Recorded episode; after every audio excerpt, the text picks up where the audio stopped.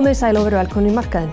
Í setniluta þáttar munir ræða væna Kristínu Sofíu Jónsdóttur en hún er frangaldastjóri Klag Icelandic Startups. En byrjum á þessu. Ég hef fengið til mín hann Þorstin Viglundsson en hann er frangaldastjóri Eignarhaldsfélagsins Horsteins og ætlum við að ræða um stöðinu húsnæðismarkaði og kannski sitt hvað fleira. Þorstin, verður velkomin. Jú, takk. Hérna, þú reytaði grein á dögunum sem bara heitið öfgana á milli á, á húsnæðismarkaði og það nefndir þú að fastlingamarkaðin hafi svona stundum sveiplast öfgana á milli. Uh, hvernig horfið staðan á húsnæðismarkaði við þér? Sko, ég er björnsýtna húsnæðismarkaðin til lengri tíma. Það er undirleikjandi stærðir í hægkerfunu, eru ennþá uh, markaðum mjög hagfældar. Í, í grunninn er, eru dreifkraftarnir þeir sömu, þjóðin er að fjölga, eftirspurni er í, í ágættu horfur, kaupmáttur er sterkur. Vextir hafa vissulega hækkað en í sögulegu samhengi eru þeir ekki mjög háir heldur. Mm -hmm. Þannig að allar svona undirleikjandi fórsöndur markaðins eru alveg ágættar. Hins er alveg auglust að markaðurinn er að kólna nokkuð skart núna. Það hefur verið þrengt mjög að fyrstu kaupandum í þá aðgerðum eða svona beitingu selabankars á þjóðhagsvarðartækjum sínum gafkvæmst fastleitamarkaði og, og auðvitað hafa vakstahækkanir verulega áhrif líka. Þannig að, verkefnið kannski núna í efnaðarslögu sammingi er auðvitað að ná verðbólkunni niður hratt og þá ættu fórsundur í efnaðarslífinu almennt og, og þar með talið á fastleitamarkaði að, að vera sterkar áfram. Og við erum eins og að með þetta klassiska vandamál hér. Markaðin sveiflast miklu meira heldur en í nákvæmlega okkar. Hluta til er það kaupmáttur hefur hér tilhengu til að, að sveiflast meira. Getur við sagt samhliða bæðið miklu sveiflum í gengi krónu, hérna, átökum á vinnumarkaði á, á, á, á köplum og, og hérna, svona, okkur hefur aldrei tekist að ná almennilega tökum á verðbólku hér samanborið við land okkar. Svo dæmi séu tvekinn. Allt hefur þetta áhrif inn á fastættamarkaðin. Uh, en við þurfum í raun og veru miklu stöður að uh, frambóð en, en líka þá kannski stöður að umhverju hvað eftirspurnina varðar og það er held ég þessi sami grunnur ef við náum að, að draga úr þessum yktu hagsöflum okkar að þá mun þetta stiðja mjög við aukinn stöðuleika á, á fæstættamarkaði. Þú nefndir í greininni að vantir svona raunsæja umræðu um húsnæðismarkaðin. Hvað svona nákvæmlega áttu við með því? Ég, ég hef verið að setja spurningamerki við þær uh, spár sem hafa verið setta fram núna af hálfu húsnæðis- og mannverkjastofnunar. Uh, frábær greiningafina sem er að koma frá stofnunum en um, um leið er að koma mjög, uh, ég myndi segja, brattar spár um eftirspurn eða, segja, þörf á íbúðarhúsnæði á næstu tíu árum. Það hefur verið talað um 35 til 40 þúsund íbúðir á þessu tímabili, 3500 til 4000 íbúðir ári. Sko 20 ára meðaltali byggingu hjá okkur er, er, losa rétt rúmlega 2000 íbúðir. Þannig að þetta er gríðarlega mikil aukning frá því sem við höfum átt að vennjast allavega á þessum markaði. Mm eh, og ég hef sett spurningamerki við hvort að við séum mögulega að ofmeta til dæmis fólksfylgun mm í landinu. Þú telur líkur á því? Já, ég telur þetta allavega okkur líkur á því og hef fengið þó nokkuð viðbröð við þessari greini mitt í þá veru því að auðvitað er þetta bara lógist, það er allir kvati fyrir fólk sem kemur hér til starfa að skrá sér inn í landið. Það er enginn sem stimplar sér út í leifstöðum og orðaði sem svo af, af einhverju skildu í það mista. Mm -hmm. Við sjáum auðvitað að í ýmsum atvinnugreinum er tölvört mikil bæði ástíðarsveifla eins og í ferðarþjónustu þannig að það er mikið að fólki að koma og fara í, í greinin og ekkert endilega sama fólkið frá ári til ás. Við sjáum þetta auðvitað líka í, í byggingarriðinaði að, að það er stór hópur fólk sem að, að sestu þetta hér að til lengri tíma leitið og, og eins og hjá okkar fyrirtæki eru við með starfsfólk sem eru unnið hjá okkur árum og áratugum saman uh, en eru þá einflytjendur í, í upphafi. En við erum líka auðvitað með stóran hóp fólk sem kemur hér kannski vinnur í 2-4 ár og er svo farið aftur. Mm -hmm. Og ég er ekki við sem við séum að ná næjanlega vel utanum þessar tölur og það er alveg að sé mögulegt ofmatt á íbúafjölda landsin sem að ég getur numið alveg umtalsverðum fjölda. Mm -hmm. 10-20 þúsund mann sem að hafa þetta þá mikil áhrif á, á á þessar sömu spár. Þannig að við þurfum, uh, held ég, raunsæri spár. Það versta sem gerist einmitt fyrir byggingariðnaðin sem slíkan er ef hann er stiltur af í allt of mikinn framkvæmdatakt uh, bara til þessi raun og veru að standa svo fram með fyrir halgerðið eðumörkur sko, tveimur, þreimur árum liðnum ef að eftirspurnir reynist þú ekki vera fyrir hendi. Einmitt, hvað hérna finnst þér um þessar upplýsingar sem húsnæðis og mannverkjastofnun veitir okkur? Eru þær nægilegar? Sko, mér finnst mánæðilegu skýslunar alveg frábærar frá stofninu og hefur verið veruleg bragabóta því sem áður var bara varðandi veldu á markaði að ná almennilega auðvitað um hvað er í byggingu hverju sinni og hvernig íbúður er í byggingu og svo framvegis.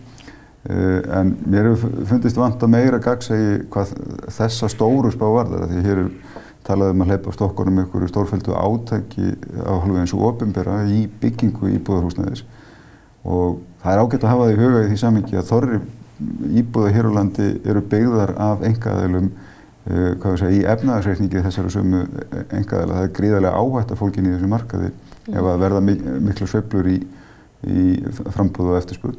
Og þar alveg þarf að vanda mjög vel til og, og kannski auka gagsæðið á þá undirlegjandi fósendur þessarar miklu spár, sérstaklega þegar það er svona mikil aukning frá því sem við höfum átt að vennjast.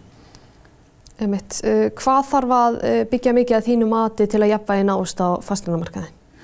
Ég, ég sínust nú fyrir það fyrst að með við bara fréttir dagsins að hann sé nú bara að sigla inn í ágættis jafnvægi og við höfum verið með byggingatakt, getur við sagt núna frá svona 2015-16 sem að nefnur 3000 pluss íbúðum á, á ári að jafnaði þannig að, að það verðist hafa náðust aukið jafnvægi. Það, það má ekki vann með þetta áhrifin sem að vaksta lækkun Sælabankans hafði hér í upphafi COVID-faraldus. Mm -hmm. Þetta er gríðarlega mikið lækkun í íslensku mm -hmm. sammingi.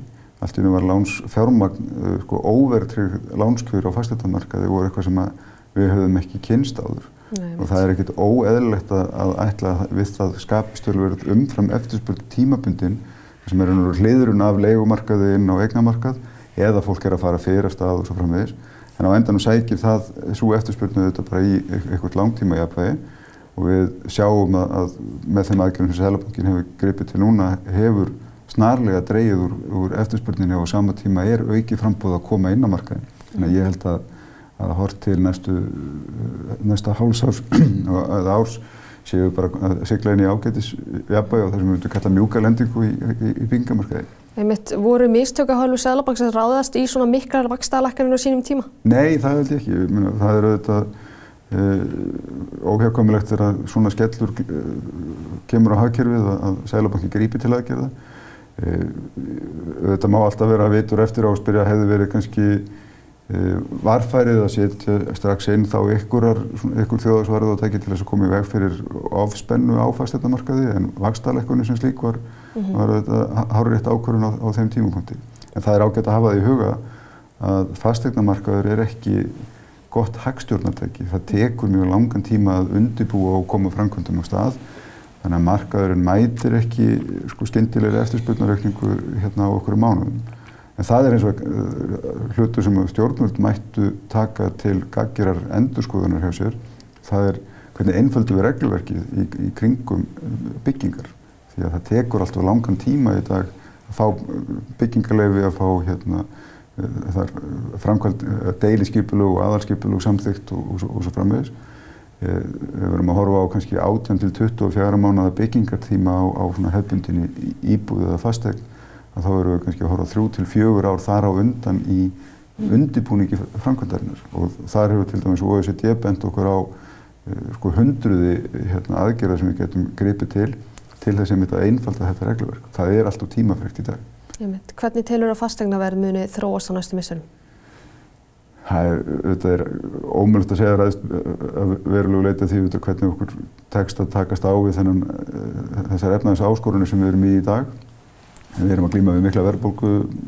Það er þetta, mjög, getur við sagt, tvísínar horfur í, í helstu viðskiptalandum okkar sem við sjáum ekki ennþá hvaða áhrif koma til með að hafa hér. En heilt yfir virðist samt sko, ferðarþjónustan er í, í kröftugum uh, vexti eða nýju mm -hmm. uh, sjávarútugur og okkar helstu útflutningsgreinar eru í mjög góðri stöðu -hmm. uh, efnaðarslífið almennt er í mjög sterkri stöðu lítil skuldsetning í aðunulífinu þó skuldsetning hafi aukist hjá heimilum er hún samt vel innan allra hóleira marka með það sem við höfum áður síð þannig að það er ekkert svona í uh, grundvallar atriðum okkar sem ættu að, að, að þessum grundallar stærðum í hagkerfunu sem ættu að, að valda einhverjum stórkostlegum ugg. Ég held að við séum að sigla inn í róleri tíð en, en, en að við séum að ná ágættis uh, svona mjúkri lendingu á íslenskar mælikvarða á næsta ári. Þannig tilur ekki að það sé líkur að það lækja nafnverði? Ég sé ekki hvaða forsenda, sko ef við berum saman til dæmis bara svo, það eina til, tilvikað tímabil sem við þekkjum verulegar nafnverðslækkanir á, á fastegnum er eftir hrunnið 2008. Mm. Þar vorum við að sjá í fyrsta legi helmingun á kaupmætti landsmanna nánast yfir nóttu. Svona megin atvinnugreinar sem við höfum byggt afkoma okkar á hérna hrundu eða lendi í verulegum skakkaföllum á sama tímabili. Bankakerfið er náttúrulega nánast kvarf yðnaður og, og bara mjög stórar atvinnugreinar lendi í verulegum vandræðum. Þannig að atvinnuleysi var mikið og, og eðlilega fylgdi þá veruleg niðursöfla á, á fasteignamarkaði. Ekkert af þessum uh, aðstæðum eru fyrir hendi í dag og sára lítil hætta á einhverju slíkum verulegum kerfis áföllum fyrir hagkerfið. Og ef við berum saman bara til dæmis kaupmátt og greiðslubyrði af af íbúðarláni í dag samanborðið við þá, þá er það mun lægra hlutfall af, af tekjum fólks heldur en var fyrir þá þessum 14 árum síðan, þrátt fyrir þessar miklu hækkanir sem hafa vorið í, á fastegnaverði á undanfjöldum 12 mánuðum. Þannig að nei, ég á ekki vonaði að það verði eitthvað stórkostleg aðlugun á fastegnaverði. Myndi frekar gera ráð fyrir að við séum bara sjá tíma bil þar sem að verði kannski óverulegar eða engar hækkanir. Eitthvað raunverðslækkun kannski vegna verðbólku, en ekki eitthvað stórkostleg leðræting. Nú hefur leiguverð hækkað svona mun minna heldur en fastegna verið undanförinu eða það þróun sem getur gengið til lengri tíma þínu mati? Nei, hún gengur náttúrulega aldrei til lengdar endarum þarf að byggja leigu í búðuna líka og þær þurfa þá að standa undir, undir byggingakostnaði hérna, og, og þá, því markasverði sem er á fastegnum hverju sinni. Það finnst mér miklu frekar vera með þessi þversvögt sem hefur verið millir sko, svona bendi til þess að við sem að ofmeta uh, eftirspurnina mm -hmm. að það bendir miklu verið til þess að það hafi verið þá undanferðin þrjú ár tölur hliðrun af leikumarkaði yfir á eignamarkað og að, að markaðin sækir svo bara nýtt jafnvægi þannig að ég á nú vonaði að við förum að sjá leiguverð og svona síðustu mánuði benda frekar til þess að leiguverð sé byrjað á nýju að, að þróast svona meira bara í takt við raunstærðirnar í kringum markaðin Einmitt. Snúm okkur stutlega og öðru svona í lokin. Uh, nú stýttist helbyrðið kjæraviðröður. Þú varst einu sinni fórsæðari fyrir samtök atvinnulísins. Uh, hefur áhyggjur komið til kjæraviðröðum eins og svo margir hafa í ljósi nýjustu frétta? Já, ég held að það sé alveg ástæði til þess að hafa áhyggjur af, þessari stöðu og, og, og það er nú ekki, sko það er ekki gott að vinnumarkaði þegar svona mikil innbyrðis átök eru innan verkefælisreifingarinnar þegar alþjóðsambandið er ja, veikt í stöðu sinni og, og það er nú. Uh, maður sér í einhverjum hérna, kommentum af, af, sko, og, og yfirlýsingum af, af tíðendum síðustu daga að nú hljóta að ríkja gleði í, í, í herbúðum aðunurreikanda. Það get ekki ímyndað mér. Það er, mm -hmm. það er slæmt fyrir kærasamlega umhverfið þegar mótaðilin er bæði í innbyrðis átökum og þá í veikri stöðu. Uh, það er mjög mikilvægt að við náum umbótum á vinnumarkaslíkarinn okkar. Það er Ég myndi segja að, að vinnumarkaslíkanið okkar er mjög drjúg rót af þeim efnaðslega óstöðuleika sem við höfum glýmt við, ekki bara síðustu ár heldur, bara horfum til síðustu áratuga og við náum einhverjum umbótum á, á slíku í, jafn veikri stöðuverkalisefingarinn á raunbyrjuvitni. Þannig að það er ástæða til þess að hafa ágjör á ástandinu. Það kemur ofan í erfiða uh, kjærasamlingsstöðu. Það er erfitt að semja í mikill verðbólku og, og svona efnaðsleiri óvísum. Þannig að vonandi tekst að, að, að vinna úr þessu og endanum er alltaf, alltaf samið en það skiptir gríðilega miklu máli fyrir þá uh, verðlagshorfur uh, verðbólku á, á næstu mánuðum að, að það takist vel upp að þessu sinni. Það mitt örstuði lokin, nú er góðum hagvexti spáð þessum ári, verðbólgan mikil og ímsir óvissu þetta framöndan. Hvernig svona horfið staðan í efnagslífunu við þér? Já, sko við erum við varum að segja við erum í svona setni hlutunum að hefðbundinu íslensku afriðs í, í, í hagkerfi. Hagusturur hefur verið gríðarlega sterkur undanfatna mánuði. Kemur auðvitað mikil kippur í allar atvinnugreinar eftir að, að, að COVID líkur. Uh, við erum með áhugjefni sem er að Sælabankin er einn í hlutverki hagstjórnarinnar í augnumblíkinu. Þar sé að ofnbjörn útgjaldi er, er alltaf mikil og hafa vaksið alltaf mikil á undanföldum árum. Við hefum ekki undið ofan af, af þeirri útgjaldauðningu sem varð í COVID uh, og vinnumarkaðurinn eh, er eins og við vorum að fara yfir í, í tölvögt óljósri stöðu. Mm. það reynir auðvitað, það þýðir bara að mannamálega vextir verða herri en til þess að takast á við verðbólku.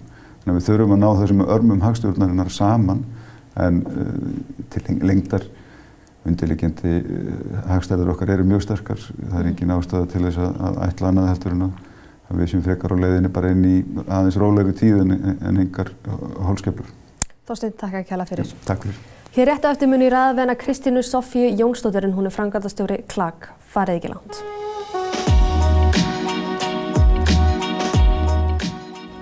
Markarinn heldur áfram. Ég fengi til mín hana Kristínu Sofíu Jónsdóttir en hún er frangatastöru KLAG.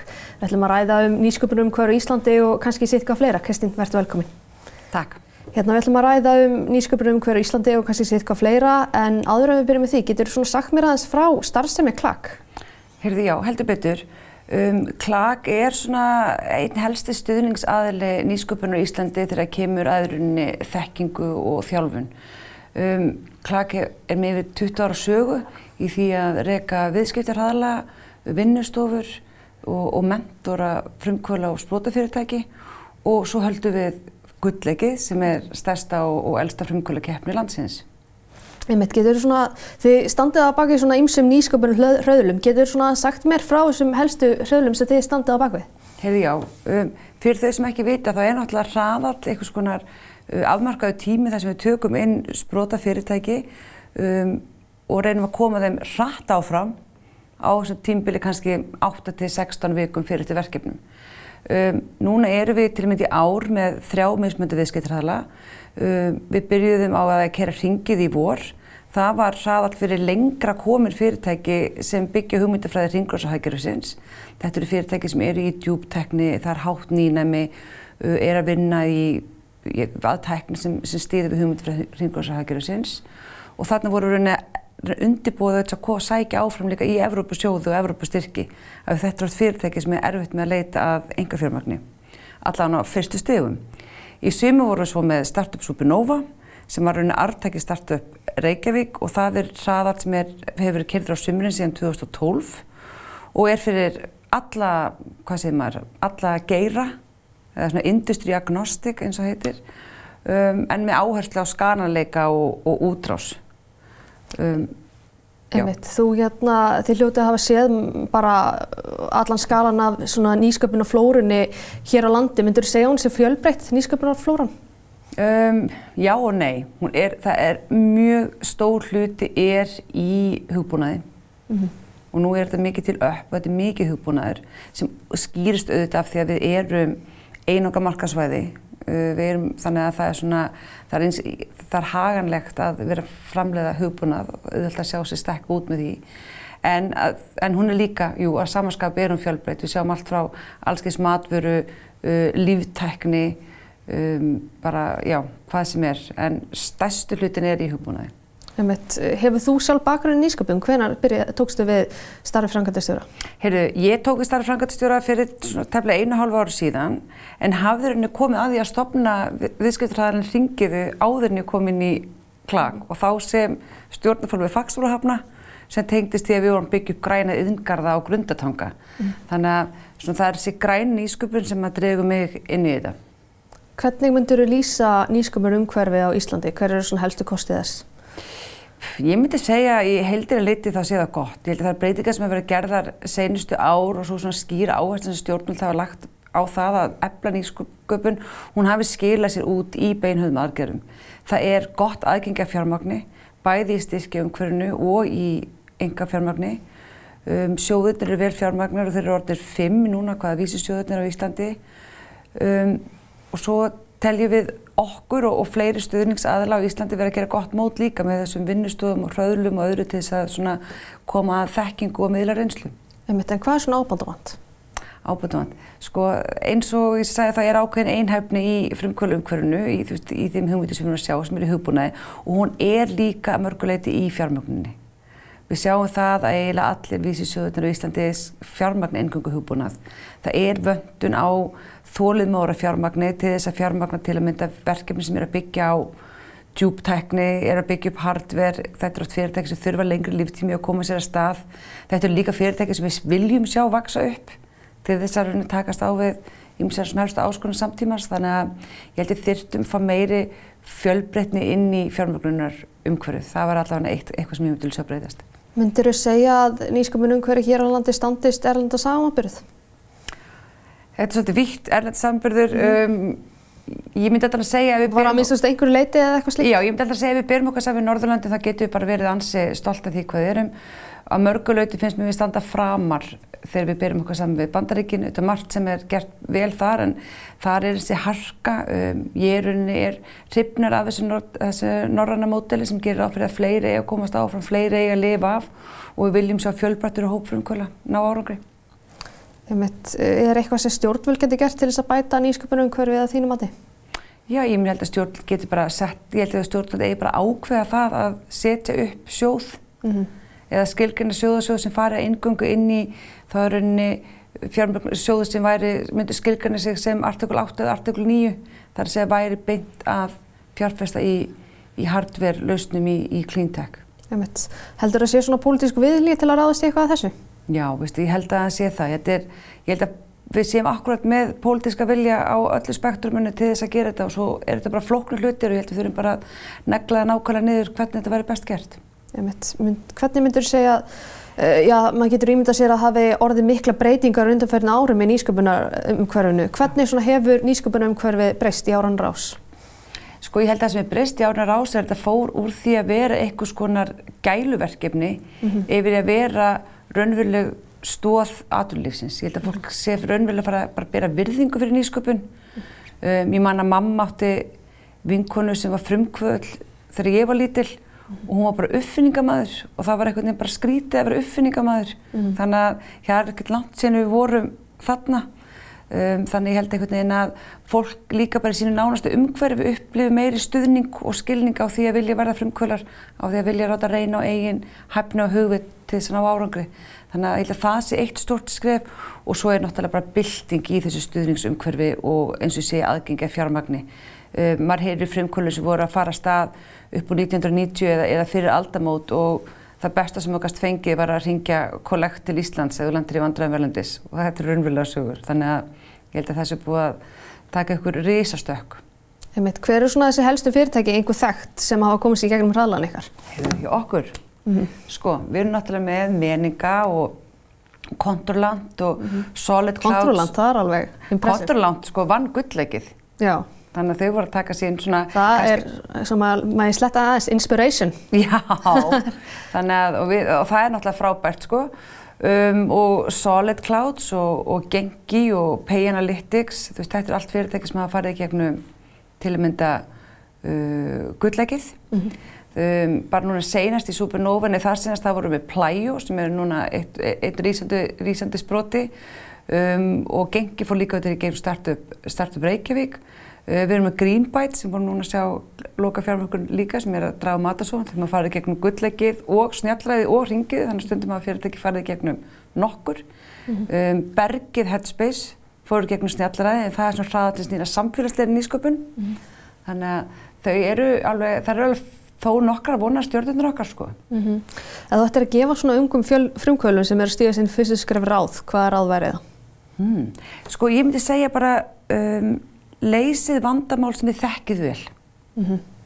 Það er eitthvað sem ég myndi segja skiptir gríðilega miklu máli.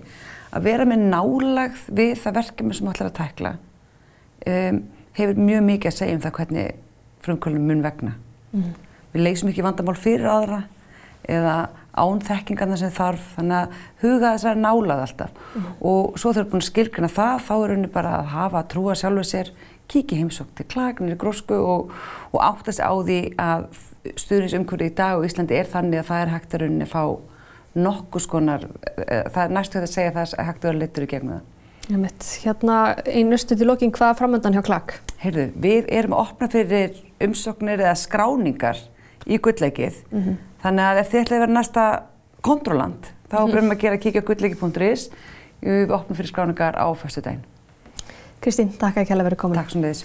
Markaður verður ekki lengri í kvöld en markaðurinn verður aftur hér að viku liðna á Ringbraut klukkan 7 og klukkan 9. Verðið sæl.